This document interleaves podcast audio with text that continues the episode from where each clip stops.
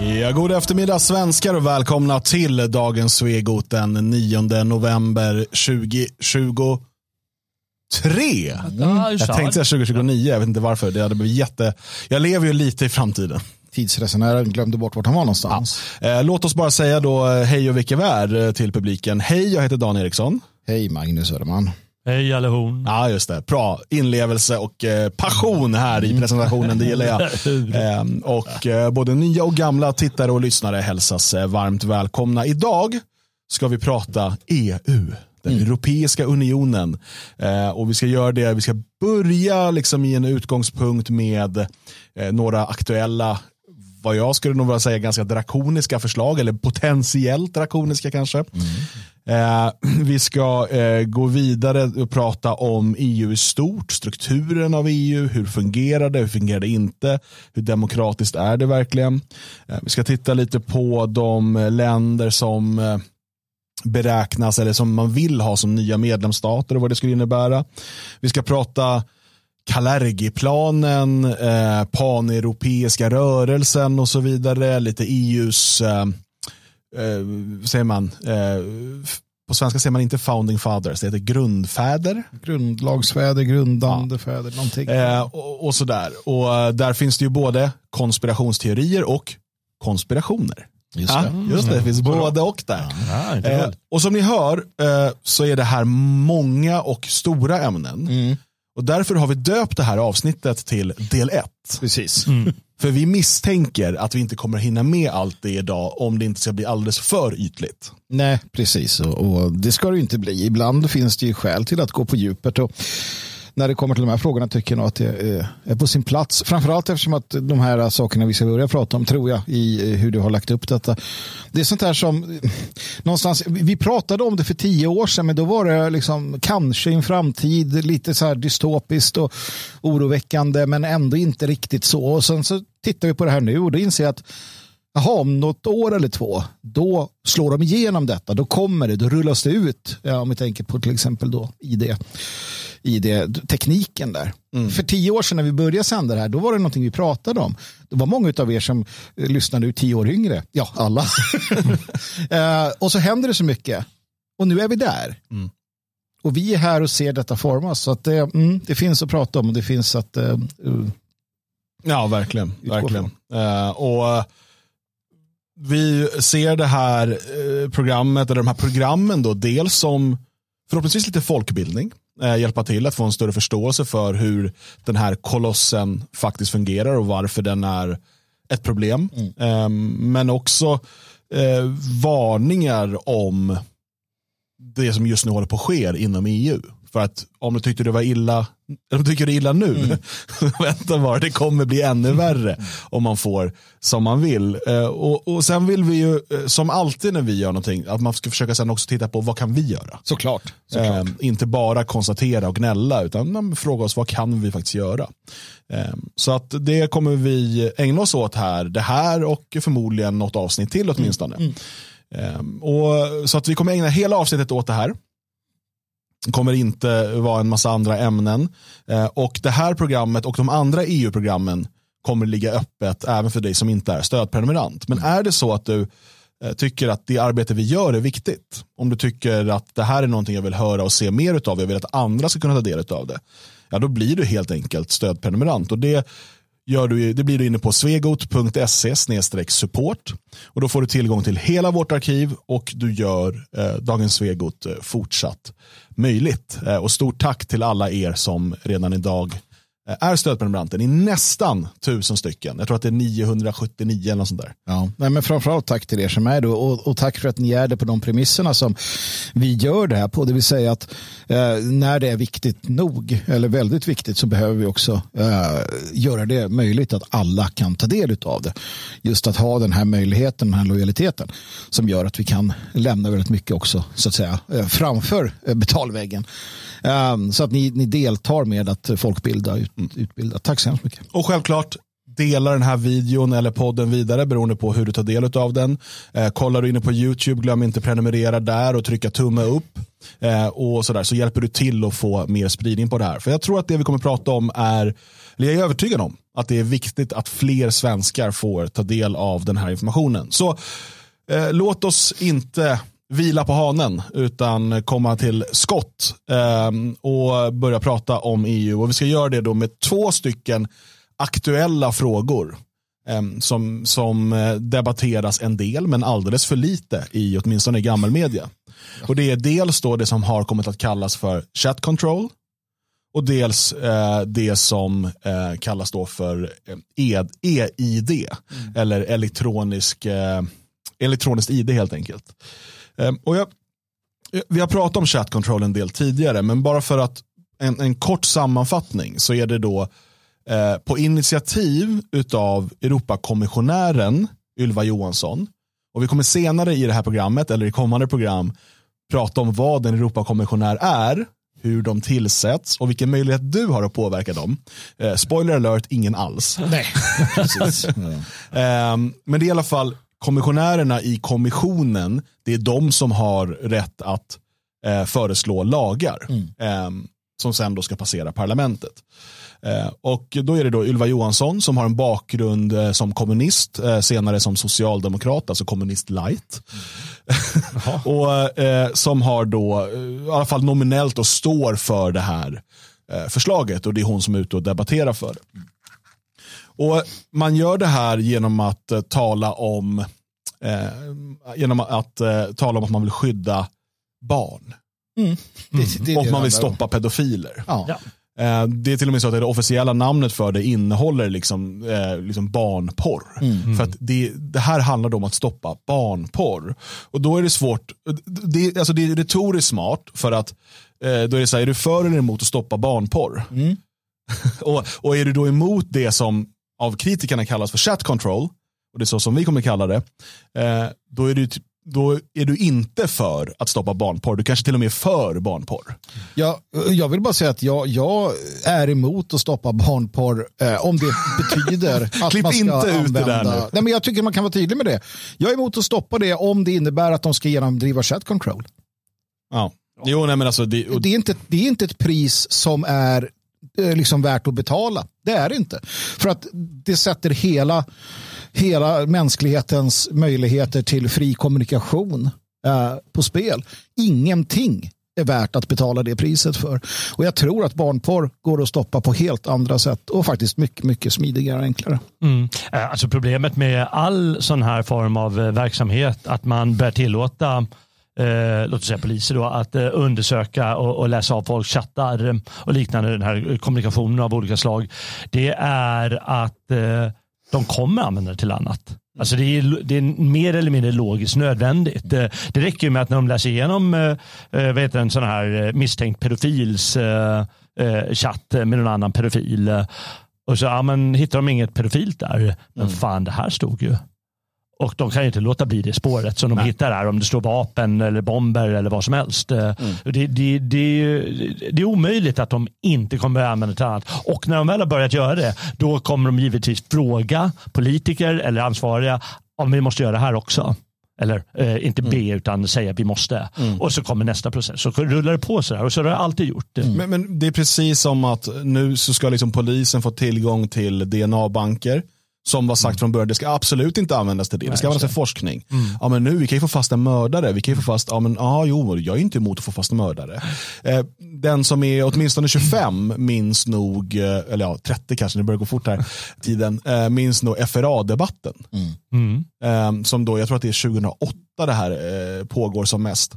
Och då finns det ju en, en stark rörelse mot det som kommer att kallas för FRA-lagen, vilket alltså var en signalspaningslag som skulle ge då FRA, för, eh, Försvarets radioanstalt, eh, möjlighet att eh, signalspana, alltså avlyssna trafik på internet som gick, kom från utlandet till Sverige. Det var liksom eh, poängen officiellt. Idag har ju den lagen flera gånger utvidgats eh, och nu så får man liksom lyssna på i stort sett allt. Men ett problem när man ska lyssna på trafik på internet och försöka övervaka människor och allt vad de skriver och säger, det är att eh, människor tycker inte om det och därför har eh, det utvecklats krypterade appar. Mm. Och de inte, mm. Nu pratar jag inte om liksom eh, de här som kriminella använder som, sen, som sen hade, FBI hade utvecklat och så blev de lurade, eh, en crochat och sådär, mm. utan WhatsApp. WhatsApp mm. har så kallad end-to-end kryptering. Mm. Alltså att eh, lätt förklarat, det, det, det um, man kan säga att, att meddelandet krypteras på din telefon. Det krypterade meddelandet skickas till eh, WhatsApp-server som skickar det vidare till mottagaren som i sin tur kan låsa upp paketet. Mm. Så att eh, WhatsApp-server eller Meta som företaget som äger det, de kan då all, åtminstone eh, vad de säger kan de inte läsa det meddelandet. Mm. Och Det betyder att även den som övervakar trafiken emellan mm inte kan läsa meddelandet. Mm. Eftersom att eh, det, det, det, det, låses på din dator så att säga eh, och det låses upp på mottagarens dator eller telefon. Eh, och, och, då eh, kan man inte övervaka det här. Eh, och det gör ju att den här signalspaningen från FRA ehm, i Sveriges exempel då blir ganska ineffektiv. Mm. Eftersom att mycket av trafiken skickas krypterat på det här viset. In kliver chat control. För det man då vill göra med chat control det är att då kunna avlyssna krypterad trafik. Det finns flera problem med det här. Dels bara rena eh, liksom integritetsskäl såklart, men också rent tekniska eh, problem. För hur ska du kunna göra det? Eh, då måste du antingen förbjuda end-to-end kryptering, alltså att du inte får skicka krypterade meddelanden via internet. Mm. Eh, får inte ha någon som helst krypterad trafik och det vore döden för internet för du kan inte skicka någonting liksom, av känsliga uppgifter då. Alternativet är ju då att läsa av meddelanden direkt på människors datorer eller telefoner. Mm. Innan de har hunnit krypteras eller efter att de har avkrypterats. Genom att installera spionvara. Kanske göra det eh, till krav att om du, ska, om du som mobiltelefontillverkare eh, ska få sälja dina telefoner i Europa eller i EU då måste du installera den här spionprogramvaran. Mm. Det är ett exempel. Problemet här är också att Ylva Johansson, hon har ingen aning om, alltså jag tror knappt hon vet hur man sparar ett dokument på sin dator. Hon kan ingenting om det här. Och hon blir avslöjad gång på gång med att hon inte förstår vad det är hon själv föreslår. Mm. Vilket också berättar för oss att det är andra människor som viskar i hennes öra vad som ska, att han ska drivas igenom. Det ligger andra intressen bakom jag tror väldigt lite av dem har med barnsex att göra. Eller de kanske har med barnsex att göra, men inte att de vill stoppa barnporr. Kanske var på Epstein Island. Eh, men vi ska snart eh, se ett kul klipp med, med eh, Ylva Johansson. Men och då säger man då nominellt här att den här, man ska bara övervaka trafiken eller liksom läsa av på din dator eller telefon för att hitta barnporr. Mm. Och frågan som kritikerna ställer sig då, hur ska ni veta ett, att ni bara tittar på barnporr. Mm. Hur ska man kunna identifiera det? Ja, men det ska någon typ av AI göra, men den här tekniken finns inte. Du kan inte avgöra om det här är en bild på mitt barn som håller på och badar naken. Mm. Eller om det är en bild på någon annans barn som jag använder som barnporr. Mm. mm. Eller mitt eget barn som jag använder som barnporr. Alltså, du, den teknik, det går inte att göra, det måste vara upp till en mänsklig bedömning. Och då är det så här, okay, ja, men då, får, eh, då ska datorn flagga allt som verkar misstänkt. Mm. mm. Men det vi måste komma ihåg då, det är ju att för att kunna hitta det som är misstänkt barnporr så måste ju all trafik läsas. Mm. mm. Även det som inte är barnporr, för du måste, annars kan du inte hitta Nej, det. Så det, går säga. Inte, det går inte. Och då plötsligt, den här trafiken måste passera någonstans. Mm. Och även om man då till en början skulle säga att nej, men vi kommer aldrig söka på någonting annat och vi liksom sådär. Tekniken finns där. Ja, men det, mm. det är ju det. Just, uh, sen är det att det rör sig om enorma datormängder och, och, och jag, som sagt, jag vet inte heller hur det fungerar och Ylva vet inte det. Och de som fattar besluten vet ju inte heller det. De vet inte om det fungerar eller hur mycket. Men vad spelar det för roll? Det viktiga är att få lagstiftningen på plats. Tekniken kan komma sen. Ja. Eh, för att när de släpar iväg människor till fängelsehålorna, dissidenter och andra, så kommer de göra det med lagliga medel. Mm. Så därför gäller det att få det här på plats, precis som de får en massa andra konstiga lagar på plats som inte har någon relevans just nu för att de kanske inte går att upprätthålla. Men få igenom lagstiftningen, börja pusha för detta. För då kan man vid nästa kris som kommer, vare sig den är man-made eller kommer för att det kommer kriser. Åh, vad bra, vi har ju lagen redan. Ja. Eh, och det är så man måste tänka. Alltså, det är ju tjänstefel för de här människorna utifrån deras liksom, sätt att vara och, och, den värld de vill bygga. Att inte förbereda sig för att kunna sjösätta nästa våg av kontroll. Eh, och därför har man lagen. Och sen kan man fylla på. När man väl har det här, då måste man ju fylla det med någonting. Och när vi sen kommer prata om det med EID och så kombinerar vi de här två sakerna så kommer ni få se något väldigt läskigt som uppstår. Vilka möjligheter som uppstår och vilka mm. oerhörda faror det skulle komma med det här. Eh, men låt oss bara lyssna på det här klippet för att i Svenska Dagbladets ledarpodd 23 mars 2023 så var eh, Ylva Johansson med och eh, fick en fråga från Andreas Eriksson på Svenska Dagbladet och så var också it-säkerhetsexperten Carl Emil Nicka med. Och hon avslöjar här hur lite hon alltså hur, hur lite hon verkar bry sig om att försöka förstå mm. vad det är hon gör. Eh, och vi kan säga då att det här Chat Control 2 har inte heller lyckats passera parlamentet mm. än. Så de håller på att skriva om det igen. Så den här lagen är inte genomröstad eller så, men man arbetar på olika sätt för att få igenom den. Mm. Eh, får jag bara fråga dig en sak Ylva? Om det är så, kommer, jag kunna, kommer du och jag kunna ha kontakt i framtiden? Om du exempelvis känner att du vill ha visselblåsare på EU-kommissionen och höra av Svenska Dagbladet med, med under källskydd. Kommer du och jag kunna ha krypterad kontakt som myndigheterna inte kommer läsa i framtiden? Även med det här förslaget? Ja, det är, det är självklart. Men om det är så, kommer inte då alla pedofiler använda samma krypterade kontakt? Och då vad är i så fall vunnet?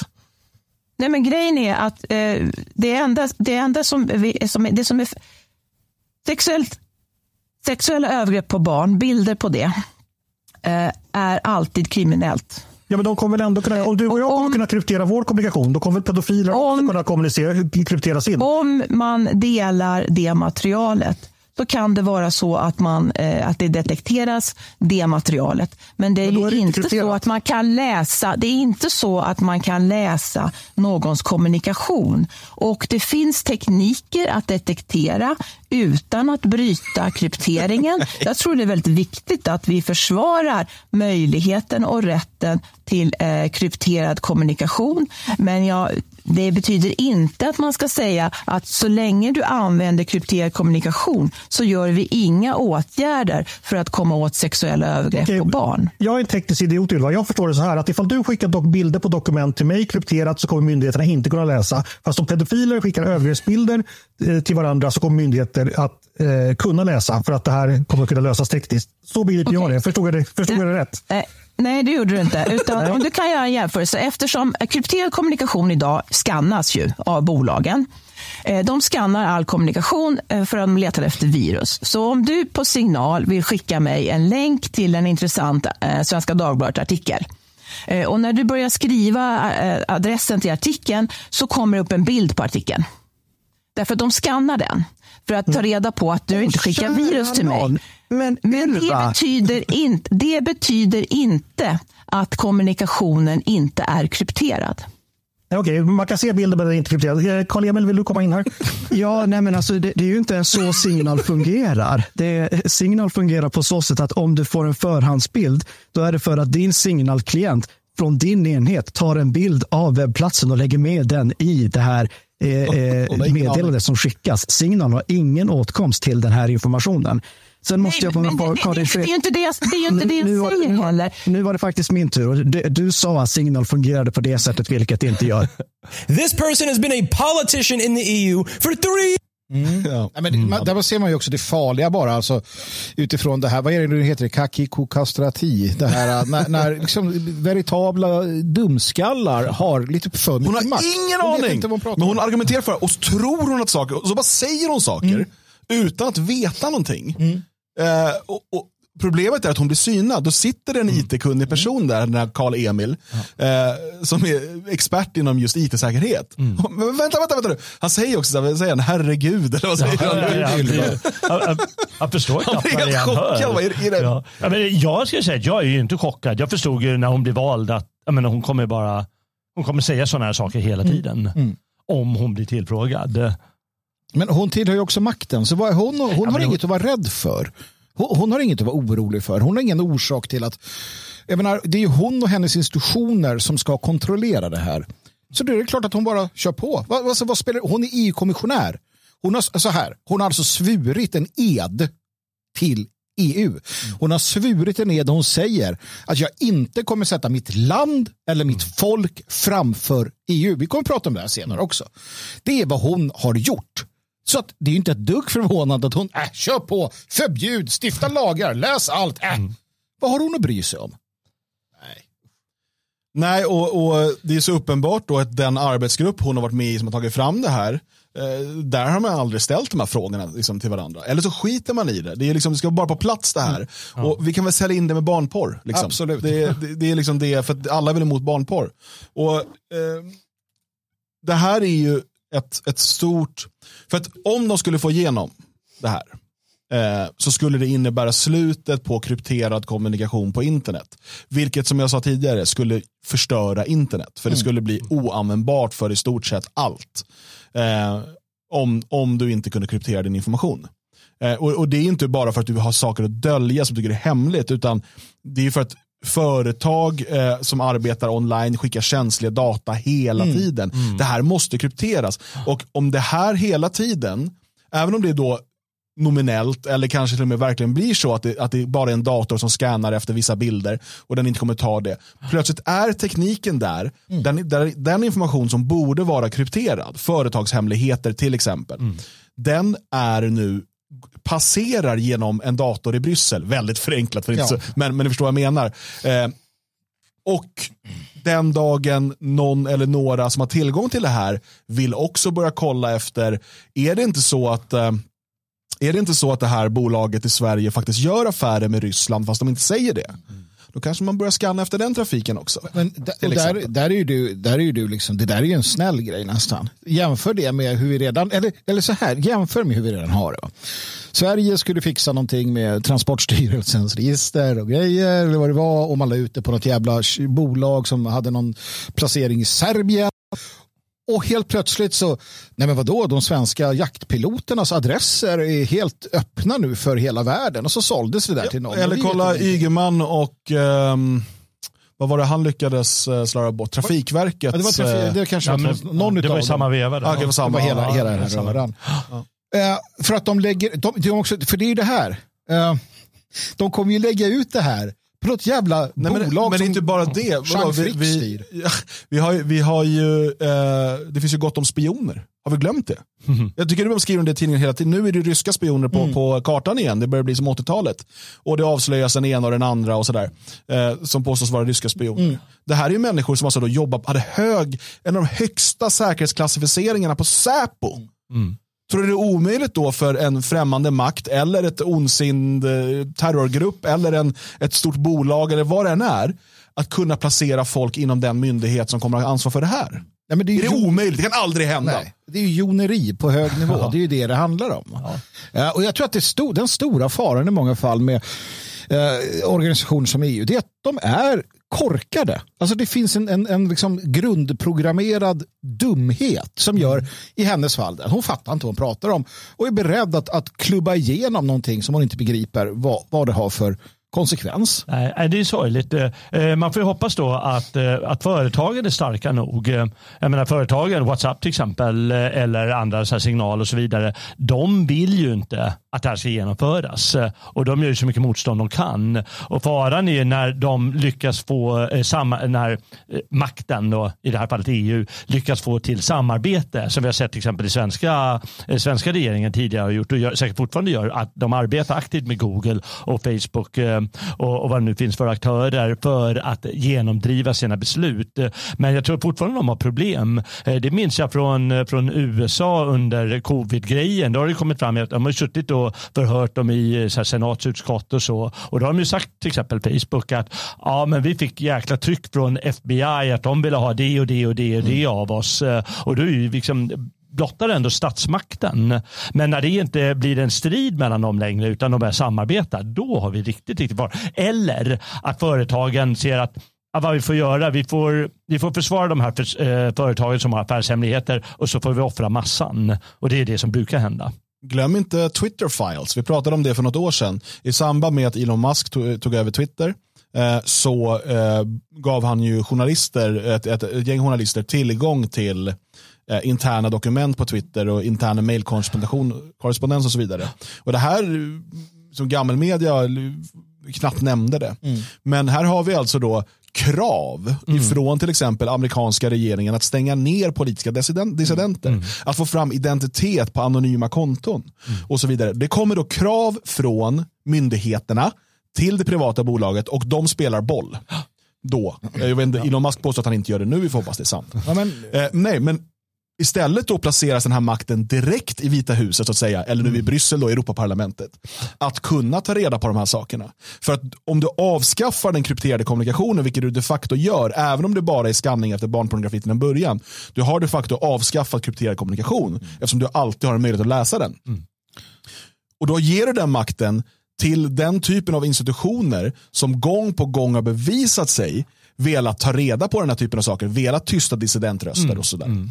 Och eh, när du talar om dissidenter så behöver man ju bara tänka att eh, Okej, det kan ju vara dissidenter i form av eh, nationalister eller syndikalister eller vad du vill. Men tänk när det börjar bli lite mer radikal anti-EU-politik mm. som de här dissidenterna för, då ligger det ju i maktens absoluta intresse att få tyst på de här. Och det är klart att det kommer användas på det sättet. Jag tror vi kommer, vi kommer hamna här igen sen och det lider. Men en sak som faktiskt också blåser upp lite grann på himlen och det, det är ganska kul att se. Det är att de här människorna då EU-politrukerna och, och, liknande som, som inte kanske riktigt fattar vad de håller på med i alla fall. Det är lite grann som fackföreningsbossen vi lyssnade på igår som sa att men då jagar vi väl Eh, Tesla i Sverige. De får dra. Samma, den här personen, en av de som är mest eh, involverad i, eh, dels att starta det här, ha det vi kommer prata om mer, eh, men som också då har varit på eh, eh Twitter, och X då, att de ska censurera och så. Han säger ju också det, att det får vara som det är. Vi ska genomdriva det här, då får de väl lämna. Och Musk har sagt, ja men då stänger vi ner Twitter. Mm. Och då säger ja men stäng ner Twitter, stäng ner Facebook, stäng. och då sitter Ylva och bara stäng ner allt, det spelar ingen roll. De fattar inte konsekvenserna för EU om Twitter och Meta så här, kluck, kluck ja. vad händer då? Alltså, de fattar ju inte. De fattar vad händer för europeiska företag? Vad händer för, alltså det, det, Medborgarna kommer ja. bara, vad fan, vad har, vad har Ylva gjort? Då om någon kanske, någonsin kanske Bryssel brinner. Alltså, jag tror inte de begriper konsekvenserna av det och de så här stora företagen är mm. inte, en, som du säger, och jag tror att det kommer också visa sig, de är inte helt och hållet på EUs sida eller på FBIs sida, Nej. utan de här skurkarna, de, de, de bråkar med varandra. Liksom. Ja. Nej, men det, det, är mycket mer som händer. Här står att Telegram också helt kört om, om detta går igenom. Jag kommer ihåg att eh, under eh, när corona härjade, eller eh, vet du, lockdowns härjade i Tyskland, eh, det vet inte vad polisen gjorde för att blocka telegramkommunikation eftersom det var det sätt man använde för att, och försöka kommunicera. Var ska vi träffas och hur och så vidare. Men vad gör man i ett sånt läge? Tänk alla företag som använder telegram i sin kommunikation. Ja, det är skitvanligt. Plötsligt kan de inte kommunicera för att makten till varje pris vill driva igenom barnporrspolitik eh, i det här fallet. Men mm. det, det åstadkommer ju fruktan, det får ju fruktansvärda följder. Inte, inte en, det kommer inte ske någon idrott för alla organiserar sig via Facebook. Det kommer inte ske en träning i hela Sverige. Ingen vet vad. Där skulle vi, Britt-Marie, där skulle vi träffas. Va? Det går ju inte. Kul för dem. Låt oss då tala om det som är ännu ja. mer aktuellt och ännu mindre diskuterat i gammelmedia. Och ännu värre. Faktiskt. Mm. Eh, för det här öppnar locket och i kombination, jag komma till det, i kombination med chat control blir det här riktigt intressant. Igår så eh, kom eh, Europaparlamentet och rådet, Europeiska rådet, kanske gjort det i en annan ordning, men vi kommer senare prata om vad de här olika ja, eh, institutionerna har för funktion. Men vi behöver sätta liksom någon scen här av liksom hur allvarligt det är. Igår kom eh, parlamentet och rådet överens om en, eh, en överenskommelse om den europeiska digitala identiteten, eh, e-id. Eh, och det här ska ju också röstas igenom i parlamentet, men just att de har nått den här eh, överenskommelsen gör att det egentligen bara är, det är bara en, eh, det är bara formalia mm. att det ska röstas igenom, utan man har redan säkrat en majoritet. Eh, och eh, så fort det här har röstats igenom så kommer vi få se eh, så kallade digitala ID och digitala plånböcker um, rulla ut på um, bred front mm. inom EU. Och Det tog bara någon timme efter att man hade nått det här, um, den här överenskommelsen som Europakommissionären Thierry Breton sa att uh, now we have a digital wallet, now we just need something to put in it. Mm. Mm. Intressant. Och då är det så här, men vad är det här då? Vad är det här mm. digitala id? Vad är eh, det här, eh, den här digitala plånboken eh, från EU? Och vi kan väl låta EU berätta själva då. Så ja, kan vi få liksom den, den, eh, positiva eh, beskrivningen av vad det här handlar om. Och sen så kan vi se om vi kanske har några invändningar. Så här beskriver man det i en propaganda, reklamfilm på YouTube.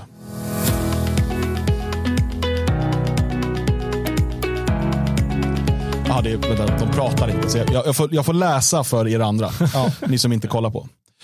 EU citizens should have access to public and private services. In a manner that is convenient and secure. With the control of their personal data. Ah, min kontroll! Hey, mm. my wallet. The EUDE wallet will be available to every EU citizen. Oh, yeah. All of them and provide a secure digital identity recognized throughout Europe. Thank you, Satan. Oh, but that word. The EUD wallet will revolutionize how EU citizens can use personalized ID-based services both nationally and cross-border. EU citizens will be able to easily download a recognized wallet and link it to their own identity. Yippee. With the wallet, EU citizens can decide what data they want to store and share. Oh, yeah. Valfrihet. I can decide. Valfrihet. Mm, for example, proof of their skills and qualifications, yes. license and some more. Alla araber. Mm. The wallet will let users decide what data they want to share. Nej, vad gulligt. And with whom they share it. Härligt. Underbart. Så jävla bra. Ja, show it. The wallet will be certified in line with the highest EU cybersecurity standards. The wallet will make everyday life much easier a secure identity and less identity fraud, signing electronically and easy mm. with, as with ink, built-in data protection and privacy. No more passwords to remember. Mm. The European Digital Identity Wallet is coming. Stay tuned. Gud! Äntligen säger Fy fan vad skönt.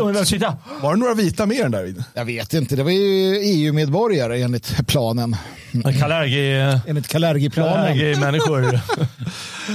Nej, men jag tänker så att om jag nu är en, eh, jag är en liksom, eh, 30-årig kille eller tjej, 25-åring kanske, det absolut inte är, så bara, wow, vad smart! Jag behöver ju inte ha mer lägg på krogen eh, eller något annat. Jag är jätteglad för det här. För vad finns det för konstigheter med det här, Dan Eriksson, din tröttmössa? Jag kan ju välja vad jag delar. Jag kan välja vilken kontroll jag har över min information. Mm. Uh, de flesta svenskar har nog det här va? Ja, den där är bra. Den har jag också. BankID. Ja. Jag har också bytt ID i den. den. Det här är nödvändigt för ganska många saker i Sverige. Då. Ja, verkligen. Uh, men uh, jag använder det för att logga in på 1177. Där finns min, läk min, min historik. Mm eh, sjukdomshistorik och sånt där va? Tror jag, eller något sånt där finns i alla fall. Eh, logga in på banken, logga in på Försäkringskassan, logga in på Skatteverket, eh, logga in i mitt bokföringsprogram, jag loggar in i, ja det man använder lite överallt för att identifiera sig. Mm. Så tänk er bank-id, fast i hela EU och tio gånger mer. Mm.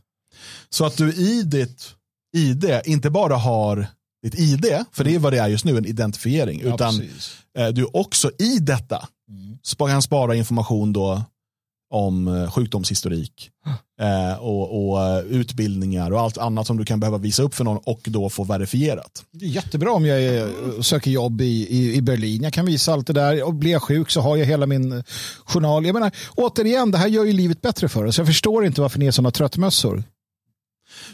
Vi kommer komma till fler användningsområden för det, men om vi bara börjar där, för det är det här man pratar om först nu.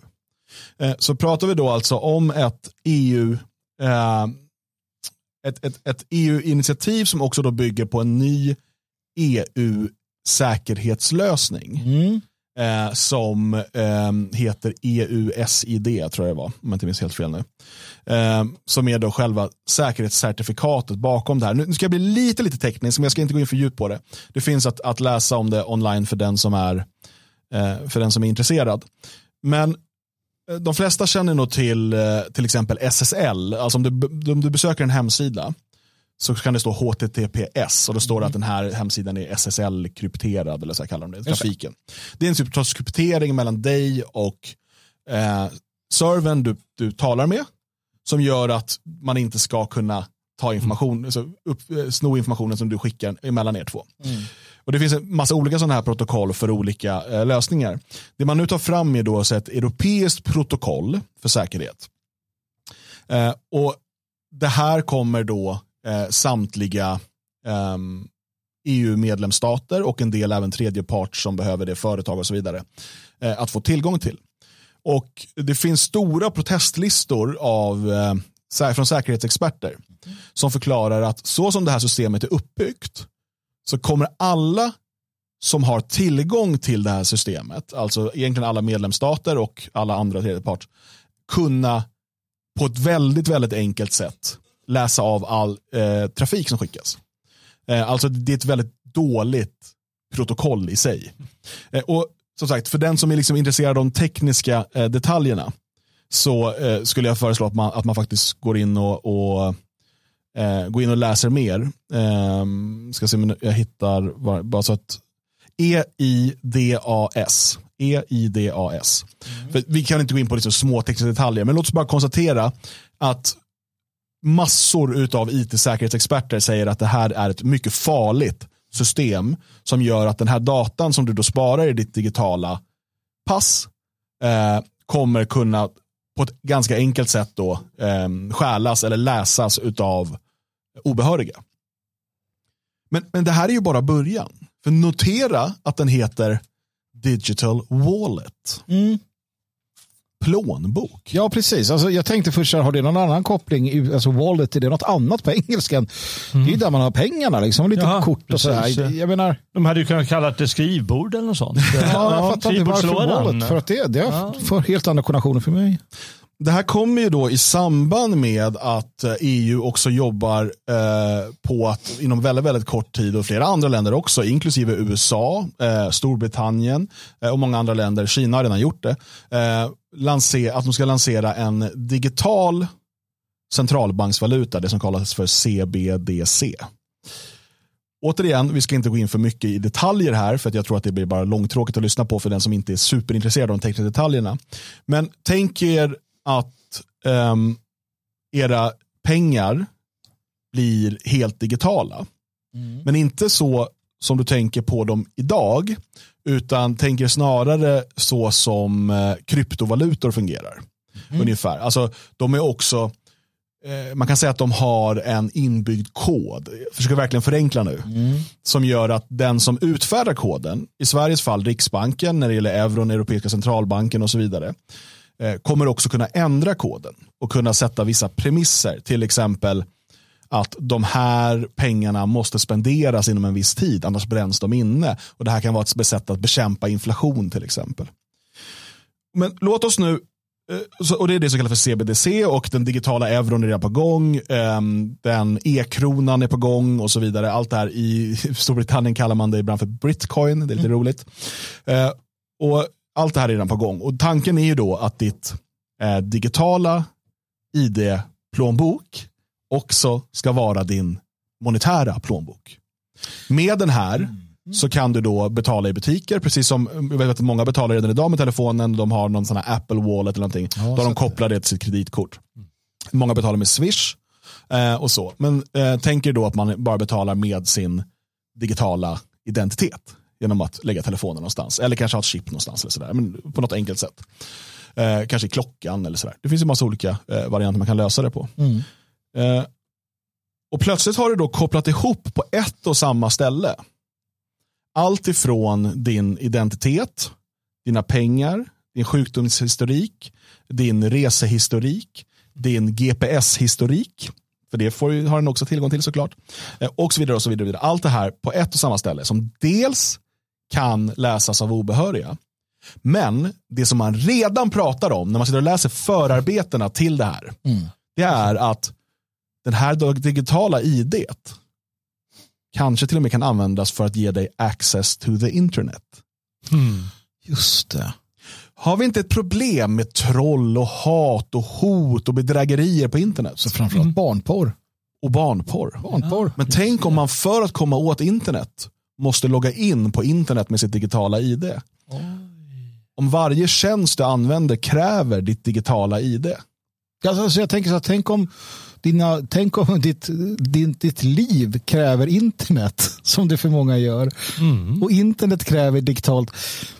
Jag ser så här, hur fan kom jag, jag börjar tänka så här, hur kom jag, okay, jag kan skita internet så här, men ah, det, det blir bara svårare och svårare. Det känns som att så här, det känns som att man nästan gör det omöjligt att handla, att köpa eller sälja uh, utan uh, bästens nummer.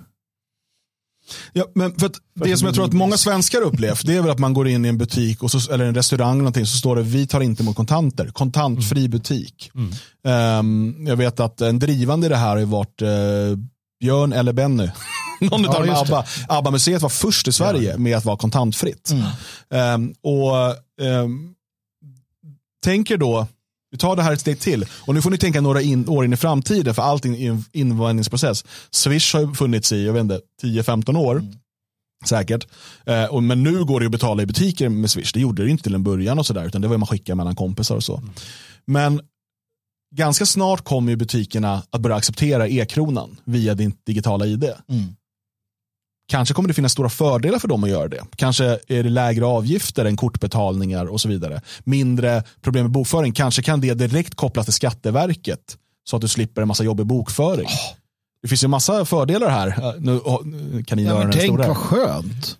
Eh, och dessutom olika in, incitament och så vidare som gör att eh, i den här butiken kan du bara betala med e-krona. Alla har ju ändå digitalt ID. Mm. Mm. Jag menar, okej, okay, då skulle man kunna säga, ja men det finns grupper som inte klarar av det. Ja, men redan nu, det finns grupper som inte har kreditkort eller, eller betalkort, mm. framförallt äldre. Mm. Det finns eh, många äldre som inte har bank-id, vilket gör deras liv jättesvårt. Många ställen kräver bank-id mm. nu för att kunna mm. göra det, framförallt kunna göra det på nätet. Och mm. nu när samhällsservicen har tagits bort, alltså banker, postkontor, eh, myndigheter och så vidare, kanske måste åka jättelångt, allt ska göras via nätet. Har du inte bank-id så är du är du i stort sett körd. Mm. och Så att, att det skulle, vi skulle komma till en eh, punkt där digitalt ID eller, eller e-krona eller eh, digital euro är det enda sättet att betala i en butik. Är inte det, du behöver inte ha en jättestor sån här foliehatt på dig. Utan det går bra. Jag tror att man kan se den utvecklingen komma. Ja, men jag såg, det här är då en sak jag måste slänga in. Jag såg att så, svenska banken, storbanken, vad heter den? Pappabanken, eh, Riksbanken heter de. De var ju ute och sa att de ville eh, revidera det här med kontanter och tvinga eh, butiker att ta emot kontanter. De ville trycka på för att vi skulle ha mer kontanter, för att kontanten skulle komma tillbaka. Um, så hur lirar det med, med detta? Liksom? Det som har hänt eh, när folk har börjat använda mindre, eh, färre kontanter, mm. det är ju att eh, makten över eh, pengaproduktionen har flyttats till bankerna. Eh, för att vi vet ju, eller jag tror att de flesta vet att pengar skapas genom krediter idag. Så att när någon handlar, när du handlar på kredit till exempel så skapas det pengar. När du tar ett lån så skapas det pengar så att säga. Det Men det är inte Riksbanken som skapar de pengarna? Nej, nej det är det inte. Riksbanken står för en väldigt liten del av eh, pengarna. Vem skapar pengar? Vem hittar SEB, på? Nordea eh, och så vidare. Men det är ju privatägda företag. Ja, precis. Det går väl på ett sätt via Riksbanken kan man säga in i systemet. Men eh, men, men det här är ju ett problem för Riksbanken för de kan inte ha riktig kontroll över eh, pengaproduktionen. Det är därför de använder styrräntan som framförallt ehm, eh, styrmedel. Och eh, genom att det man gör nu det är att man vill att folk ska, alltså man vill ta bort makten ifrån de här privatägda företagen och komma tillbaka till Riksbanken. Och det kan verka lovvärt. Men jag ser det bara som en ett steg mot e-kronan. Men jag och, och tänk också... dig, kolla, kolla, nu, eh, NK, sluta ta emot kontanter. Med vilket argument? För att kriminella har, mm. har han som eh, mördade en kille i Skogås, eh, mördade en 15 åring på sushi-restaurangen, han fick 100 000 och gick och spenderade dem eh, kontant på NK. Eh, på NK. Ja, det det. Eh, och Där eh, jag såg en artikel nyligen i någon av eh, kvällstidningarna som var arg på en annan butik i Stockholm, jag vet inte vilken det var, någon annan som säljer fina kläder. För de har ju inte tagit bort kontanter, varför tar inte de sitt ansvar? Oh. Där kan kriminella handla nu. Men här ser jag också att det, det, det finns ännu en konfliktlinje. Vi pratade tidigare, jag tog upp det här med Meta och, Twitter och, och de här uh, förbudsivrarna och, och, så, att de inte är helt överens. Musk är definitivt inte överens med många. Här ser vi en annan konfliktlinje som kan börja uh, dyka upp. Alltså varför skulle bankerna frivilligt lämna ifrån sig den här möjligheten. Jag har ju sett hur bankerna tjänar pengar nu mm. med räntor. Och, oj, oj, oj. Mm. Varför skulle de lämna ifrån sig detta till centralbanken? Varför? Alltså det finns ju inget skäl. En av de drivande parterna eh, för lanseringen av eh, den elektroniska identifikationen i EU är BIS, Bank of International Settlement. Alltså den eh, samarbetsorganisationen mellan bankerna. Kan ni undra varför? Jag undrar varför. Mm. Låt oss inte hålla det för omöjligt att de också kommer vara inblandade i det här. Du menar lite som att facket och Svenskt Näringsliv äger försäkringarna som alla måste köpa om man ska vara godkända av. Det är det han menar. Aha. Mm. Eh, så att de kommer nog kunna få sin beskärda del av kakan de också. Eh, och, och, och, berikas utav detta. Men jag sa ju förut det här med att om man då lägger ihop de här mm. sakerna så blir det extra läskigt. Vi pratade då om att man redan i förarbetena talar om att det här ska då användas för att logga in på tjänster men också då för access to the internet. Mm.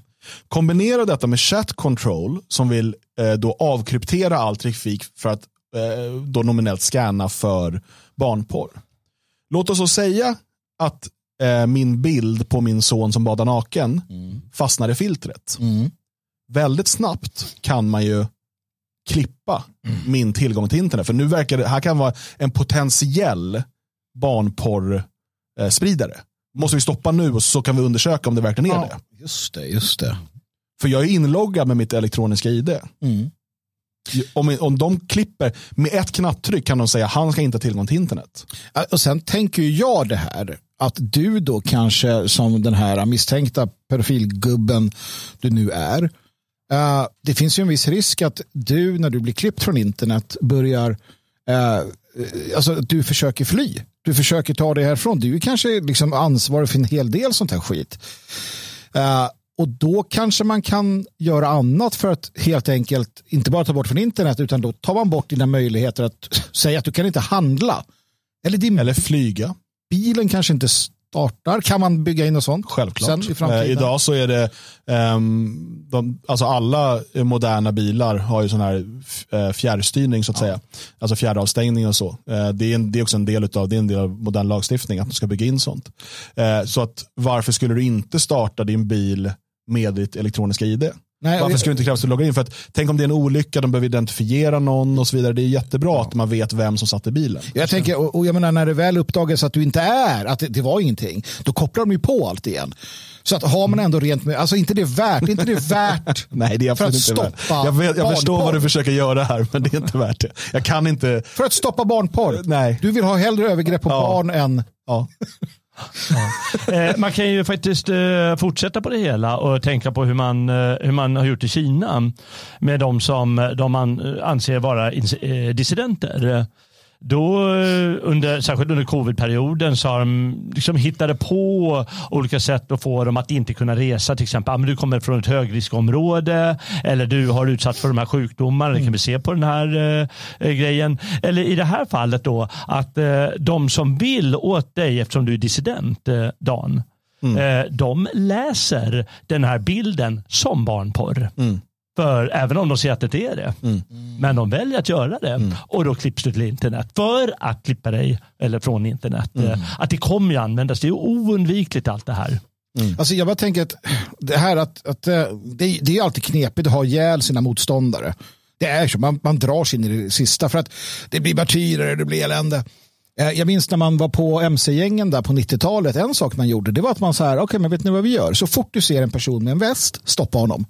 Sen så berättar du för din kollega att du har gjort en flygande besiktning. Efter 100 meter står nästa bil. Stoppa honom.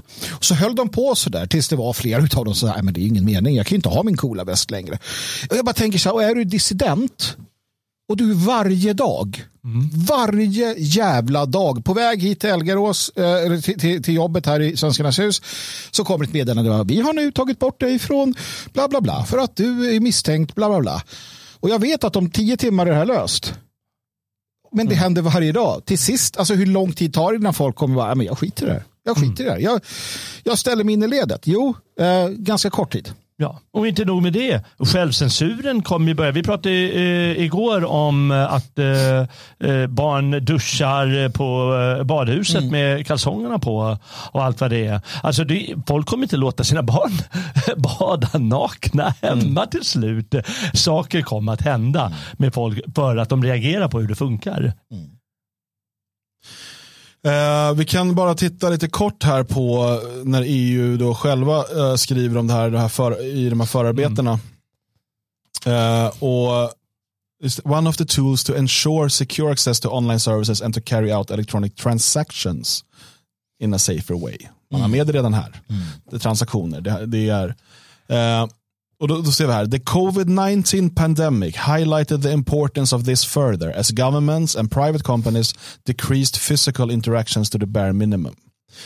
Uh, electronic identification can guarantee the unambig unambiguous identification of a person and ensures the right service is delivered to the person who is really entitled to it for example, for bank banking purposes. However, the lack of common legal basis has prevented member states from recognizing and accepting electronic identification schemes issued in other member states. The insufficient cross-border interoperability of national schemes prevents citizens and businesses from benefiting fully from a digital EU. Och så skriver man här nere också då, eh, planen då till 2030. Uh, the Commission set out a number of targets and milestones for electronic identification. For example, by 2030, all key public services should be available online. All citizens will have access to electronic medical records, and 80% of citizens should use an electronic identification solution. Mm. Man, det är alltså målet är att 80% av hela EUs befolkning ska använda elektroniskt ID till 2030. Mm. Eh, och 2030 är alltså, hur långt är det kvar? Det är sex år kvar. och samtidigt ser man då och vet enligt de undersökningar som har gjorts att på en frivillig basis, på frivillig basis kommer du få 10% ungefär att mm. använda det. Det är Nej, inte fler än så. Nej. Man vet det. Det, det är de, deras egna organ har gjort en undersökning. L men, men låt, oss nu, låt mig ta er tillbaka. Låt mig ta er tillbaka till vintern 2021-2022. Ja, jag bodde i ett land som hette Tyskland. Mm. Jag fick inte handla i butiken för jag hade inte ett digitalt ID som sa att jag hade fått rätt sprutor av staten. Det var vad som hände för ett och ett halvt år sedan. Jag fick inte gå in, jag, jag kunde, i många butiker kunde jag gå in, mm. men jag fick inte handla. Mm. För det, var, det fanns ingen i dörren, utan det var i kassan man fick visa det. Det. Mm. det beror nog på lite vilken butik det var. Sådär. Jag fick inte handla längre. Jag fick inte åka skridskor på en utomhus eh, eh, isbana med mina barn. För att då var jag tvungen att visa mitt digitala hälso-id. Detta var ju prototypen för det man vill mm. lansera nu. Mm. Och räkna med att det inte bara kommer vara krav på att du har rätt vacciner och så vidare. Har ni hört vad som händer med klimatet? Va? Det håller på att gå sönder. Ja, ja, och vet ni varför? För att ni släpper ut för jävla mycket koldioxid. Låt oss koppla via era betalningar med ert elektroniska ID till er, eh, ert förbrukning utav era månatliga eh, klim, vad heter det? koldioxidranson. Mm. Mm. Det finns redan eh, bankkort eller betalkort som har lagt in den här funktionen. Håll koll på din, ja, eh, hur mycket du konsumerar. Ibland när du får eh, kvitton på en restaurang eller räkningar från ett bolag så står det hur mycket, hur mycket koldioxid du har gjort av med utav det här. Allt det här finns redan redo. Ja. Och då kan vi börja säga att vänta nu, herr Söderman. Mm -hmm. Du kan inte hålla på och flyga till Malmö nu. Nej. Nej, eh, utan du får nog cykla för du har redan gjort av med din eh, koldioxidranson. det skulle jag vilja se, honom cykla till Malmö. Men, men, kan jag inte köpa mer? Koldioxid, kanske? Jo, men ja, med cash så kan du det, köpa kan mer mycket, rätt. Det kommer förmod... George Soros. Jo, jo, ja. det, kommer, eh, det har man pratat om, hur det här ska fungera. Mm. Att man då ska kunna sälja sina ransoner och så vidare. Just det. Eh, och låt oss, liksom, gör oss inga illusioner. De här staterna visade Mm. förra vintern. Hur långt de är beredda att gå för en förkylning. Ja. Och Vi kommer få se krav på den här typen av saker. För att covid kickstartade den här saken. Det hade planerats under lång tid, man hade pratat om det under lång tid. Men under covid så var det så här, nu måste vi göra det här. Mm. Det, då fick man en anledning att skynda på den här utvecklingen.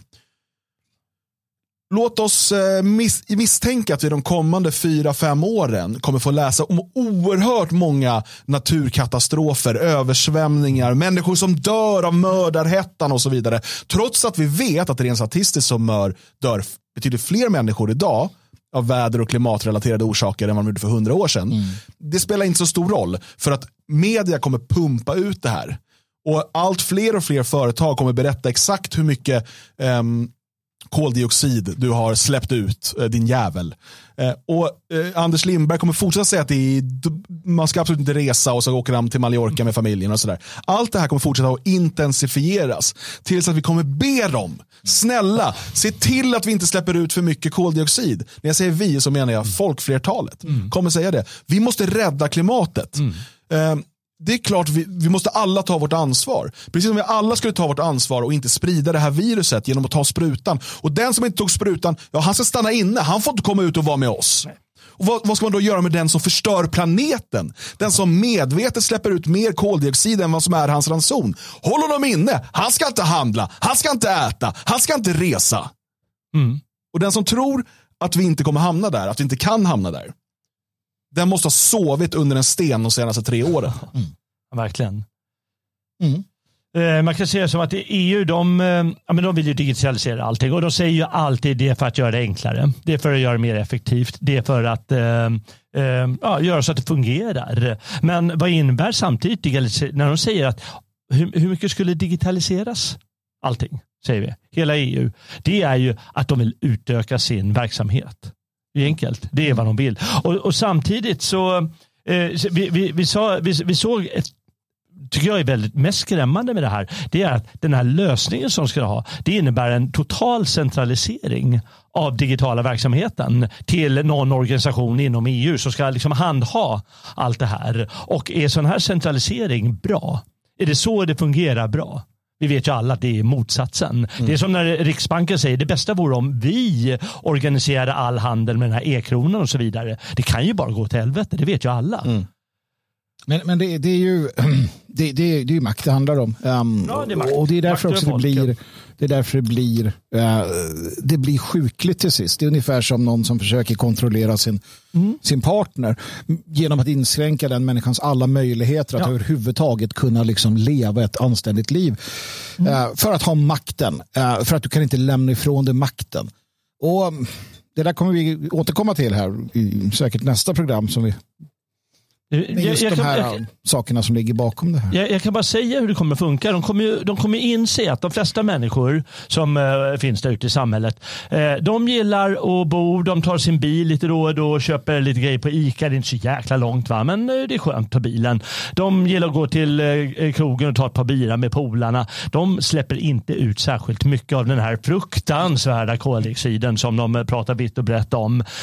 Men vad fan, det duger ju inte. Han ska ju sätta dit. Då kommer de hitta på ännu hårdare krav via givetvis eh, den här plånboken för att eh, på något sätt kontrollera honom ännu bättre. Det kommer, det kommer bli... Eh, det, det, det, är alltså väldigt riskfullt det de gör. Jag ska säga att vissa saker är nödvändigt kanske. Måste ha någon form av att kunna ge ett digitalt ID på något vänster. Men, men sättet de gör det, det är ju jag, det är horribelt. Jag, jag, vill varna jag vill varna EU. Eh, jag vill varna alla de som håller på med det här. Mm. Eh, och på riktigt säga att det de gör nu det är att de trycker på startknappen för nedräkningen till sin egen undergång. Mm. För det vågar jag hävda att det är så det är. Jag, jag vill, innan vi avrundar det här avsnittet, för vi kommer få fortsätta prata EU imorgon, men, men eh, så vill jag bara, för att det här är också kopplat till eh, FN och FNs digitala strategi och så vidare. Eh, där några av de starkaste bidragande och liksom är, är Bill, och Melinda Gates Foundation, eh, World Economic Forum mm. och uh, the, usual suspects så att säga. Men i den här, jag tycker att det är intressant bara för de, de behöver då den här digitala strategin, digitalt ID och så vidare för att rädda mänskligheten. Mm. Eh, och om vi går till sida 45 här i deras eh, digitala strategi så, eh, så, så pratar de om olika scenarion de ser för framtiden. Mm. Sånt här är alltid intressant. Vi såg det här i samband med coronan och så vidare och liksom förarbetet och de här övningarna de hade och så vidare. Och jag ska inte gå igenom allihopa. Uh, man kan läsa om det här på digitalstrategy.undp.org. Uh, och scenario ett kallar man då att man, om vi fortsätter åt samma håll. Mm. Eh, och då menar man att det kommer bli väldigt orättvist och tekniken kommer bara finnas tillgänglig för vissa och, mm. och sådär. Mm. Eh, sen har de scenario två, eh, falling into the abyss. Oj. In this Oj. future most systems in the world reach their limit, quickly spin out of control and collapse. Inte bra. Oj. Scenario tre, radical new norm. In this future the world has undergone a huge transformation. Life as we know it has changed radically. Eh, och då menar jag att det kommer först rasa samman och sen bygger vi upp det igen. Mm. Och fjärde scenariot, och det här är det, det önskade scenariot. Mm. In pursuit of sustainability. Oj. Alltså i, i, i jakten på uh, Hållbarhet. hållbarheten.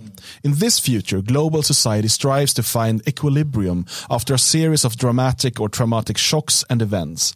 Pursuing sustainability becomes a long and arduous movement that finally gains a lot of traction. Och det, alltså det är så här, humanity honors the limits of all vital resources and builds a system where the needs of the present can be met without compromising the ability of future generations to meet their own needs. Driven by a cultural shift, there is common agreement that balancing economic growth with social inclusion and environmental protection can be a recipe for a sustainable world. Minor crises are happening from time to time, but resilient societies can bounce back quickly from crises that would have crippled the fragile system systems of the past. Countries have been reinforcing safeguards such as inclusion, trust, competition, security, and privacy. It made them adaptable and protected from risks. Funds are shared between governments and citizens, and universal services and public goods are provisioned. Automa automation is smartly used to re relieve human drudge. The jobs are fairly and equally paid. Humans and AI complement each other, which opens new opportunities for economic growth, production, healthcare, education, communication, and transportation. The world negotiates and finds agreement on technology and data governance. More and more states and societies have the AI and robotics regulations. Ethical and responsible use of technology for society good is the default. Undrar om det finns anledning att känna misstankar. jag säger så här, för en kille som, som eh, anser och känner på riktigt att ju mer och hårdare motstånd, desto ja. ärofullare död, eh, så är det här bara det, det, det, jag skrattar åt det här för att det här är, det här är verkligen en blueprint för ett, en sån här utopisk eh, katastrof som kommer. Och då kommer vi ha möjligheten att skriva in oss i historieböckerna och i, i panteonen där de andra mm. hjältarna redan finns. Sen kommer en ny värld springa från detta och det kommer inte alls vara den här mardrömmen som de själva håller på att skapa. Eh, men när man hör det här. ja, men vilket, vilket skämt. Eh, nu ska jag fråga, jag vet inte, har du tv hemma? Eller har du slängt ut den? Nej, jag har du har tv hemma. Ja. Tjänar mycket? Vad sa du? Tjänar du mycket pengar? Nej. Är den eh, en stor tv? Ja, en stor tv. En stor tv. Ja. ja. Jag, försökte, jag försökte ge bort till någon sån här insamling, skulle samla grejer, gå till fattiga och sånt där. En sån gammal box-tv. Den var ju stor var 26 tum eller något. Och sa, men vad, vad ska du ge den där till oss för? Men ni vill ha den, ge till dem. Det är väl ingen jävel som vill ha den fattar Det finns väl någon fattig jävel. Du, varje bidragstagare i det här sketna landet, de har en tv som är större än vad du är. Fick jag höra då. Mm. Och varför har de det? Jo, därför att solution, eh, scenario one and two det vill säga de normala mm. sätten, de ordnade just så att fattiga människor kan köpa en jävla tv som är större än vad jag är, till och med större än vad du är. En riktig bauta-tv. Mm. Därför att de blir billiga efter några år. Mm. Därför att det kommer för, nya företag som ja, men vi, vi tillverkar en lite billigare via konkurrenser och så vidare och gör det bättre. Men nu påstår de här dårarna på FN att enda sättet det slår bort hela den här världen och bara FN och mm. de stora staterna styr. Ja, det, det ju, Vilka dårar alltså. Verkligen, verkligen liksom bolsjevism 2.0. Alltså, det, det, för i något av de här scenarierna tror jag också att det är så att privata företag har liksom informationsplattformar och de ser, ja, men som Twitter och sådär. Att det, att det fortsätter så här och det, det, visar, det, det, det blir falska nyheter överallt och allting. Så de, på riktigt säger de att, att vi måste kontrollera allt. Och de får med några gates på det bland annat. Och sådär. Men alla kommer inte vara med på det här, det kan jag också säga. Uh, jag vet inte om ni ser det här, men här är lite uh, flödesschema för hur vi ska prata om idag. Vi har, oh, alltså vad pra- det vi har pratat om det där. De där har vi pratat om. Första ordet bara. det var dit vi hann. Eh, vi fortsätter imorgon, uh, del två. Eh, och vi ska prata då hur EU är uppbyggt. Eh, vad är Europakommissionen, vad är rådet, vad är parlamentet? Vem blir kommissionär och varför och vad har kommissionären för roll? Eh, och så får vi se hur mycket mer vi hinner med. Jag ska inte lova mer än det. Det kan bli få fortsätta nästa vecka. Ehm, glöm nu inte att boka in dig på eh, sexårsfesten. Ehm, det finns inne på detfriasverige.se, en banner högst upp. Ehm, det är den 25 november här i Svenskarnas hus. Och vi vill jättegärna träffa så många av er tittare och lyssnare som möjligt där. Det kommer bli jäkligt kul. Det kommer presenteras massa roliga nyheter. Eh, alltså inte nyheter som i um, skottlossning i Jordbro, utan mm. nyheter för det fria Sverige ja. som eh, vi kommer få anledning att skåla i champagne till förhoppningsvis. Mm. Eh, och dessutom kommer det vara teater, det kommer vara allsång, det kommer vara tjo och sim och kul och alltihopa. Ceremoni har vi, vi har en årlig mm. eh, återkommande ceremoni. Det är massor av saker. Så in och boka in dig på sexårsfesten eh, så ses vi där. Vi säger tack för idag. Glöm nu inte att gilla det här eh, om du kollar på YouTube till exempel. Dela det med dina vänner. Det ligger alltså ute eh, för allmänheten även om man inte är stödprenumerant. Det kan man såklart bli och det bör man bli inne på svegot.se support. Men nu är det upp till dig att sprida det här vidare. Vi avslutar med vapen och sprit.